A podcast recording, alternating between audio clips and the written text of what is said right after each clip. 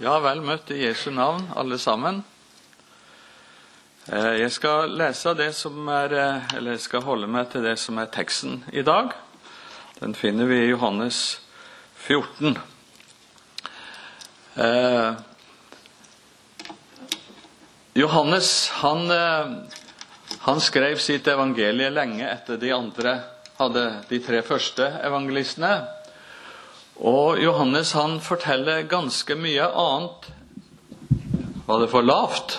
Jeg har mye stemme, hvis det var det om å gjøre. Johannes forteller mange ting som, ikke, som, vi ikke finner i de andre evangeliene.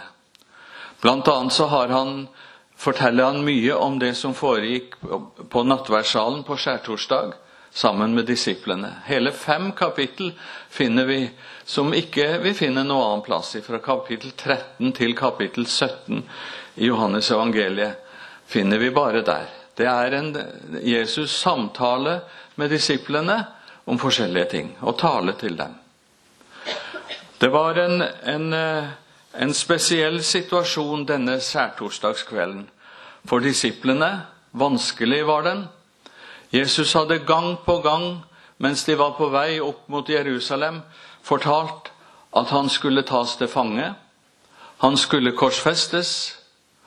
Og så skulle han stå opp igjen ifra de døde etter tre dager. Men så skulle han forlate dem. Og Da de kom til Jerusalem, og det var mye folk der De var kommet fra hele Israel og fra mange steder i Romerriket, og innbyggertallet var vokst veldig så hørte de at alle snakka om Jesus. Hvor er han? Kommer han ikke snart? Og så hørte de også at ypperstepresten hadde sagt at hvis det var noen som så han, så Jesus altså, så måtte de si fra fordi at han skulle tas til fange og arresteres. Og så kom de disiplene og Jesus opp på nattverdssalen og så forteller Jesus at i kveld så skal dere alle svikte meg. Og han antyder også at en av dem skal forråde han. Og de disiplene skjønner etter hvert at det er Judas. Og Judas forlater stedet etter en liten stund. Kan dere tenke dere den situasjonen de er i? De var forferda dette var ikke slik de hadde tenkt om sin egen og Jesu framtid, disiplene. De hadde satsa så mye av alt det de hadde, av sin framtid, for å være sammen med Jesus, og de hadde vitterlig ofra mye. Nå holder hele framtida på å rase sammen for dem. Og det er i den situasjonen at Jesus sier det som er teksten i dag. Det er fra Johannes 14, vers 1-4. Det er kjente vers. Det står slik La ikke deres hjerte forferdes. Tro på Gud og tro på meg. I min fars hus er det mange rom. Var det ikke slik, da hadde jeg sagt dere det. For jeg går bort for å gjøre i stand et sted for dere. Og når jeg er gått bort og har gjort i stand et sted for dere. Kommer jeg igjen og skal ta dere til meg, for at dere skal være der jeg er. Og dit jeg går, vet dere veien. Kjære Herre Jesus. Nå har vi forberedt oss på det som skal sies, og det som vi skal høre. Men Herre Jesus, jeg ber at det ikke bare må være et arrangement, men at du må komme riktig nær oss nå og gjøre oss trygg. Og la oss få se det som er målet for livet vårt, slik at du kan få din vilje med oss. Og så har vi også lyst til å be for den familien som vi så i filmen. Disse, ungene som var forferda og redde fordi de var utstøtt eller i hvert fall hadde det vanskelig, må du trøste også dem. I Jesu navn. Amen. Jeg vet ikke ærlig talt om disiplene var så veldig trøsta av det som Jesus sa her. I hvert fall så var de fortsatt forferda, og de var redde. Og i redselen så svikta de Jesus alle sammen i løpet av den kvelden, skjærtorsdagskvelden. Vi vet det at Peter han ville gå og se hvordan det var med, hvordan det gikk med Jesus. Og vi vet også det at Johannes fulgte Peter, for han var kjent ypperste prest, hos ypperstepresten, står det. Og Johannes han fulgte Peter, og siden han kjente, så fikk han gjort det slik at den som vokta døra til yppersteprestens gård, den kvinna åpna døra for Peter. Og han fikk komme inn og fikk se hva som foregikk. Om Johannes ble med, det vet vi ikke. Det står ingenting om det. Kanskje han ikke gjorde det. Men da Johannes ca. 50 år seinere sitter og skriver evangeliet, så ble han minnet også om det som Jesus sa. Og nå tror jeg at Johannes ble trøsta av det som han hadde sagt. For Johannes var sjøl i en vanskelig situasjon nå, 50 år etterpå. Han visste det at det var forfølgelse, og han var redd at også han skulle bli tatt, noe han ble, og ble, øh, ble vist til øya Patmos, hvor han satt alene. Og så skriver han da Dette er sikkert før han ble satt uh, i fangenskap. Så skriver han dette. Og så tenker han at jeg må skrive det, så de som leser det seinere, også kan bli trøsta når de er redde og forferda. Tro på Gud og tro på meg. Jeg har lyst til å si litt om det uttrykket først. Dette, disse få ordene.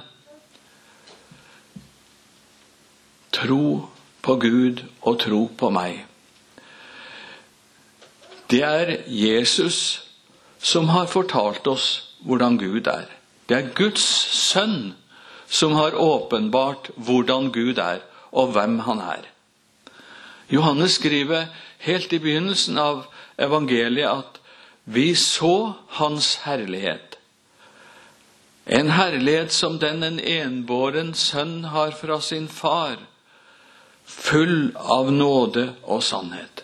Det er Jesus som lærer oss hvordan Gud er. Og litt etter teksten vår så, så sier Jesus til, til Philip Så lang en tid har jeg vært hos dere, og du kjenner meg ikke, Philip. Den som har sett meg, har sett Faderen. Hvordan kan du da si, vis oss Faderen? Når du skal lære hvordan Gud er, hvem han er, så skal du lære av Jesus. Du skal se på Han. Det er Han som har åpenbart hvordan Gud er, både i Det gamle testamentet og i Det nye. Vi kunne ha sagt mer om det, men det skal vi ikke gjøre. Hør på Han, og fortell om Han når du skal vitne om Gud. Det er ikke sant at muslimenes Gud er den samme Gud som den kristnes Gud. Det er ikke sant. For Jesus har ikke åpenbart det som står i Koranen og slik. Det er en annen Gud, en avgud, det. Nei, tro på Gud og tro på meg, sa Jesus. Det betyr egentlig, eller i hvert fall kan det bety, tro på Gud ved å tro på Jesus. Det var bare litt om det, den setninga. Johannes han sitter trolig i Efesus og skriver dette. Og kanskje ser han for seg den forfølgelse som kommer i hans eget liv. Og han vet sikkert hva som har foregått med de andre disiplene. Peter, som fulgte han til, til, til yppersteprestens gård, han var blitt korsfesta 20 år tidligere. Han vet at Paulus var halshogd omtrent i den samme tida. Og han vet at broren Jakob han ble tatt allerede mens de var i Jerusalem. og han ble drept av kong Herodes den gangen. Jeg vet ikke om Johannes kjente til hvordan det var gått med de andre apostlene, men de hadde også lidd martyrdøden, sikkert før Johannes skriver dette. Og så sitter han, og så skriver han, og så sier han La, siterer han Jesus, la ikke deres hjerte forferdes. Tro på Gud og tro på meg. Og så tenker Johannes sikkert på alt det han hadde opplevd sammen med Jesus. Kanskje tenker han på den gangen de var ute på Genesaratsjøen og var i havsnød. Johannes var jo en fisker, og han hadde vært der ute på sjøen mange ganger. Og det hadde vært storm og, og, og, og hard vind før også, men nå var Johannes redd. Og så sier Jesus, 'Hvorfor er dere redde?' Og så stiller han stormen, og så stilte han vinden. Og så tenker Johannes, der han sitter og skriver, sikkert Gud er allmektig. La derfor deres hjerte ikke forferdes. Tro på Gud og tro på meg. Kanskje Johannes også tenkte på det som hadde hendt noen dager før de var i, i nattverdssalen på skjærtorsdag, da de var oppe i Betania og Lasarus var død. Og så sier Jesus til Martha jeg er oppstandelsen og livet. Den som tror på meg, skal leve om han enn dør. Og hver den som lever og tror på meg, skal aldri i evighet dø. Tror du dette? Ja, det spurte han Martha om, som hadde en bror som var nylig gravlagt, og som lå like i nærheten. Og så kunne kanskje Johannes tenke det er jo ikke så farlig for meg heller. Om jeg blir tatt til fange, om jeg må lide døden. For likevel så eier jeg livet. Det har Jesus sagt. La ikke deres hjerte forferdes. Tro på Gud og tro på meg. Og så sitter han kanskje der og veit med seg selv at Jesus veit hvor jeg er nå. Jesus veit at jeg sitter her og skriver. Kanskje, for Jesus er en slik en som ser. Han ser alle. Kanskje tenker han på den gangen da de kom med båten og kom inn mot land, og det var en masse folk som sto der. Og så sies det om Jesus at han så folket og han hadde inderlig medynk med dem. For de var lik sauer som hadde eh, og som så forkomne ut, og som ikke hadde noen hyrde. Ja, Jesus ser. Han, ser, han så Johannes, og han ser meg, og han ser deg. Og så sto det at han hadde medynk med det. Det er et litt rart ord, det. Men et godt ord. For det må jo bety at Jesus ynker seg sammen med den som har det vondt. Når du har det vondt, så er det en som ber for deg, og ynker seg sammen med deg. Og det er Jesus. La ikke hjertet ditt forferdes. Tro på Gud og tro på meg. Og jeg tror sikkert at Johannes også tenker på det som han skriver i et brev, at Jesus er en soning for alle våre synder. Og det er ikke bare for våre, men for hele verdens det er jo det største av alt. Jesus er en soning for våre synder. Det som kan forferde hjertet vårt aller mest av alt, så er han en soning. Og vi kunne tenke på mange ting som Johannes hadde opplevd. Og så skriver han det fordi at det gjelder jo ikke bare han, men det gjelder jo alle de som, som han håper skal få lese av dette her. Det gjelder meg, og det gjelder deg. Vi kan lese alt det som Jesus gjorde, det han fullførte, det han sa. Og så gjelder det deg og meg. Og så sier Johannes, la ikke deres hjerte forferdes, men tro på Gud og tro på meg. Han skriver det jo for at dere skal tro at Jesus er Messias, sier han i kap kapittel 20. At han er Guds sønn, og for at dere ved troen skal ha liv ved hans navn.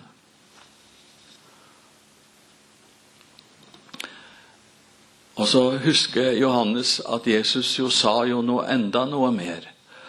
Han sa, 'I min fars hus er det mange rom'. Var det ikke så, da hadde jeg sagt dere det. For jeg går bort for å gjøre i stand et sted for dere. Og når jeg er gått bort og har gjort i stand et sted for dere, kommer jeg igjen og skal ta dere til meg, for at dere også skal være der jeg er. Jesus taler om noe som han holder på å gjøre, og han holder på nå. Han holder på å lage et rom for deg i himmelen. Og det, den verdien, den eiendommen, er mer verdt enn hele verden. Du som har hørt Jesu ord og tror Han som har sendt Jesus, du har evig liv. Og Jesus holder på å gjøre i stand et sted for deg. Og taksten på den boligen har vi ingen verdier i verden som kan måle, måle den med. For den boligen er mer verdt enn alt det du kan tenke deg. Mer verdt enn hele verden. Tenk på det. Lever du og jeg vårt liv med det perspektivet at vi har et mål? Jesus har laga et mål for oss, og det er mer verdt enn alt det du kan tenke deg. Når jeg har lest denne teksten og tenkt på den, så har den tanken kommet til meg at Jesus vil at vi skal orientere oss ut ifra virkeligheten slik han ser den, og ikke slik vi ser den, har så lett for å se den. Jesus vil at du og jeg skal være klar over at vi egentlig ikke hører til her, vi som hører Jesus til. Vi er utlendinger her, slik som Peter sier i sitt første brev. Jeg formaner dere som fremmede og utlendinger. Og Paulus sier akkurat det samme, for han sier at vårt hjemland er i himmelen. Og Jesus, når han vil få oss til å tenke over livet, så bruker han veldig sterke ord. Han sier et sted Hva gagner det et menneske om han vinner hele verden, men tar skade på sin sjel?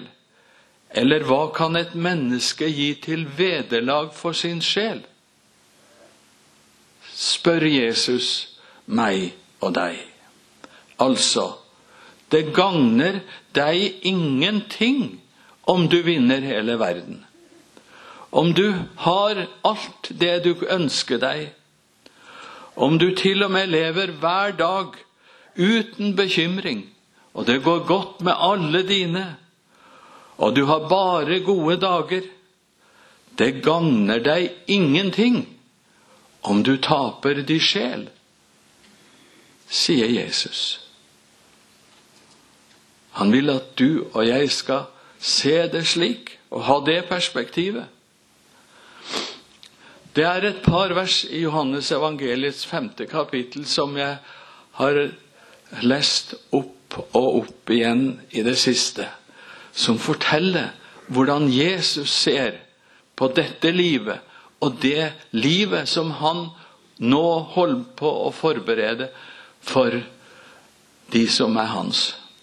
Han sier i vers 24 og 25.: Den som hører mitt ord og tror Han som har sendt meg, han har evig liv. Han kommer ikke til dom, men er gått over fra døden til livet.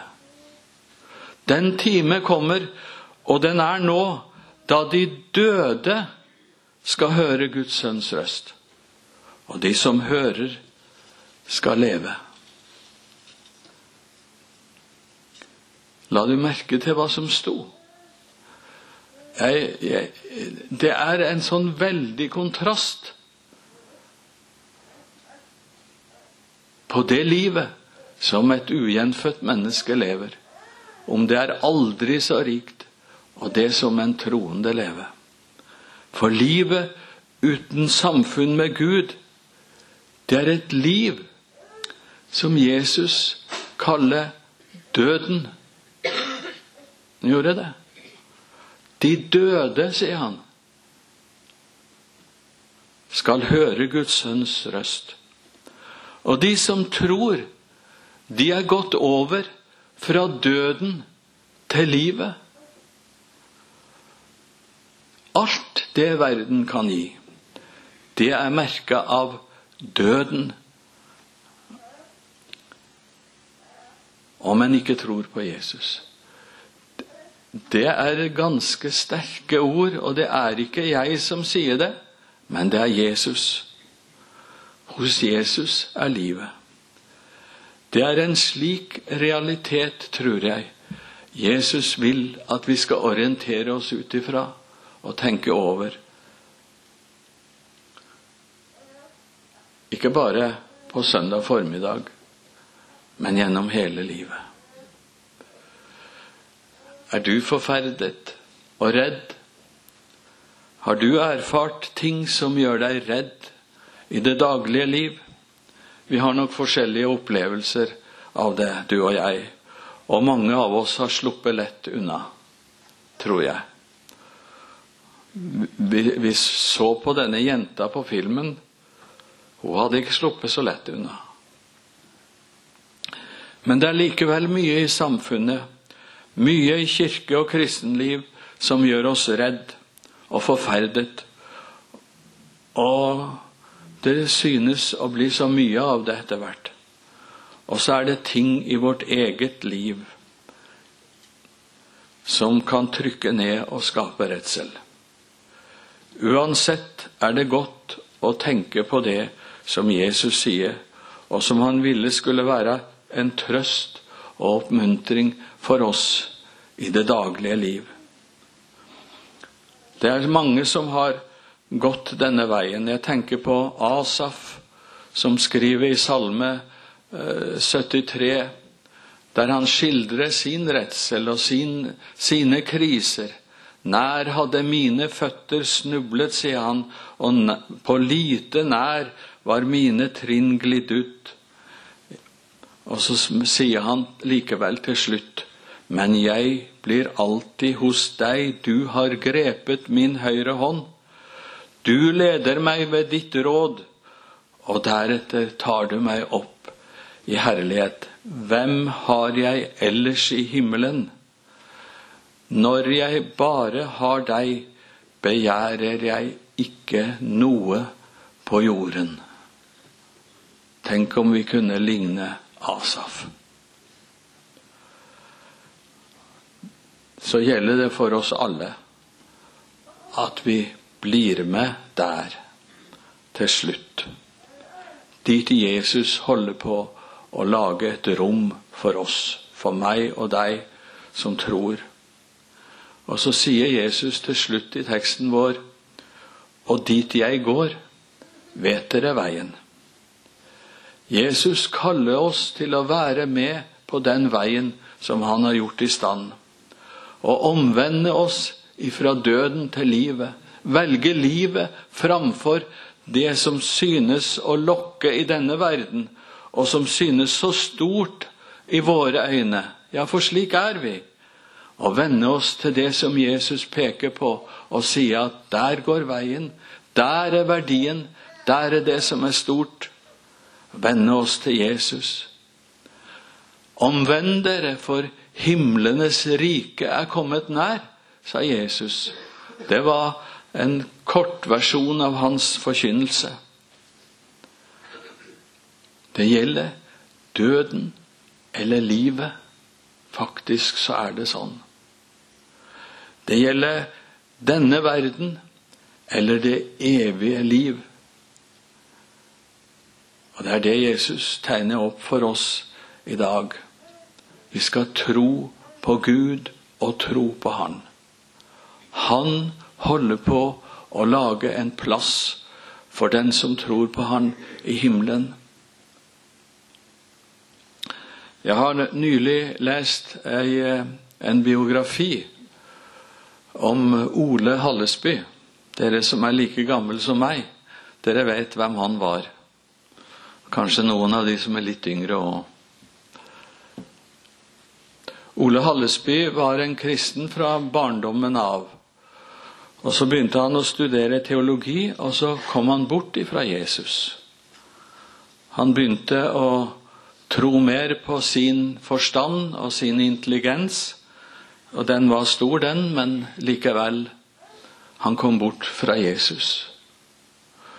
Og så forteller han om mens han Eh, var i Oslo og studerte teologi, så kalte Jesus på han.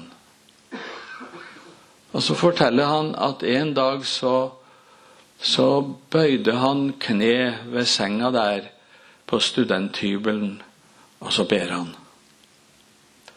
Gud, jeg kommer ikke for å fuske med deg, men for å gjøre opp Si meg nå mine synder, alt det som skal ut av mitt liv, og si meg alt som skal inn i mitt liv. Herre, tal, din tjener hører. Tenk om du og jeg også kunne be den bønna i sannhet. Og jeg har lagt merke til at han ikke bare bekjenner, men han ber Gud om å peke på det i livet. At Gud skal peke på det i livet som skal bort. For det er noe annet enn det vi ønsker ofte. Si meg mine synder, alt det som skal ut av mitt liv. Og si meg alt det som skal inn i mitt liv. Ja, for dit Jesus går, dit vet vi veien. Og han ber oss gang på gang gjennom hele sin virksomhet at vi vender om fra den veien som er naturlig for oss og ber oss gå på den veien han peker på. Han sier et par vers lenger nede i teksten vår at 'jeg er veien, sannheten og livet'. Han vil at vi skal høre Han og tro på Han og følge Han. Følge Jesus. Og til den som går den veien, så sier han, la ikke hjertet deres forferdes, men tro på Gud og tro på meg. I min fars hus er det mange rom.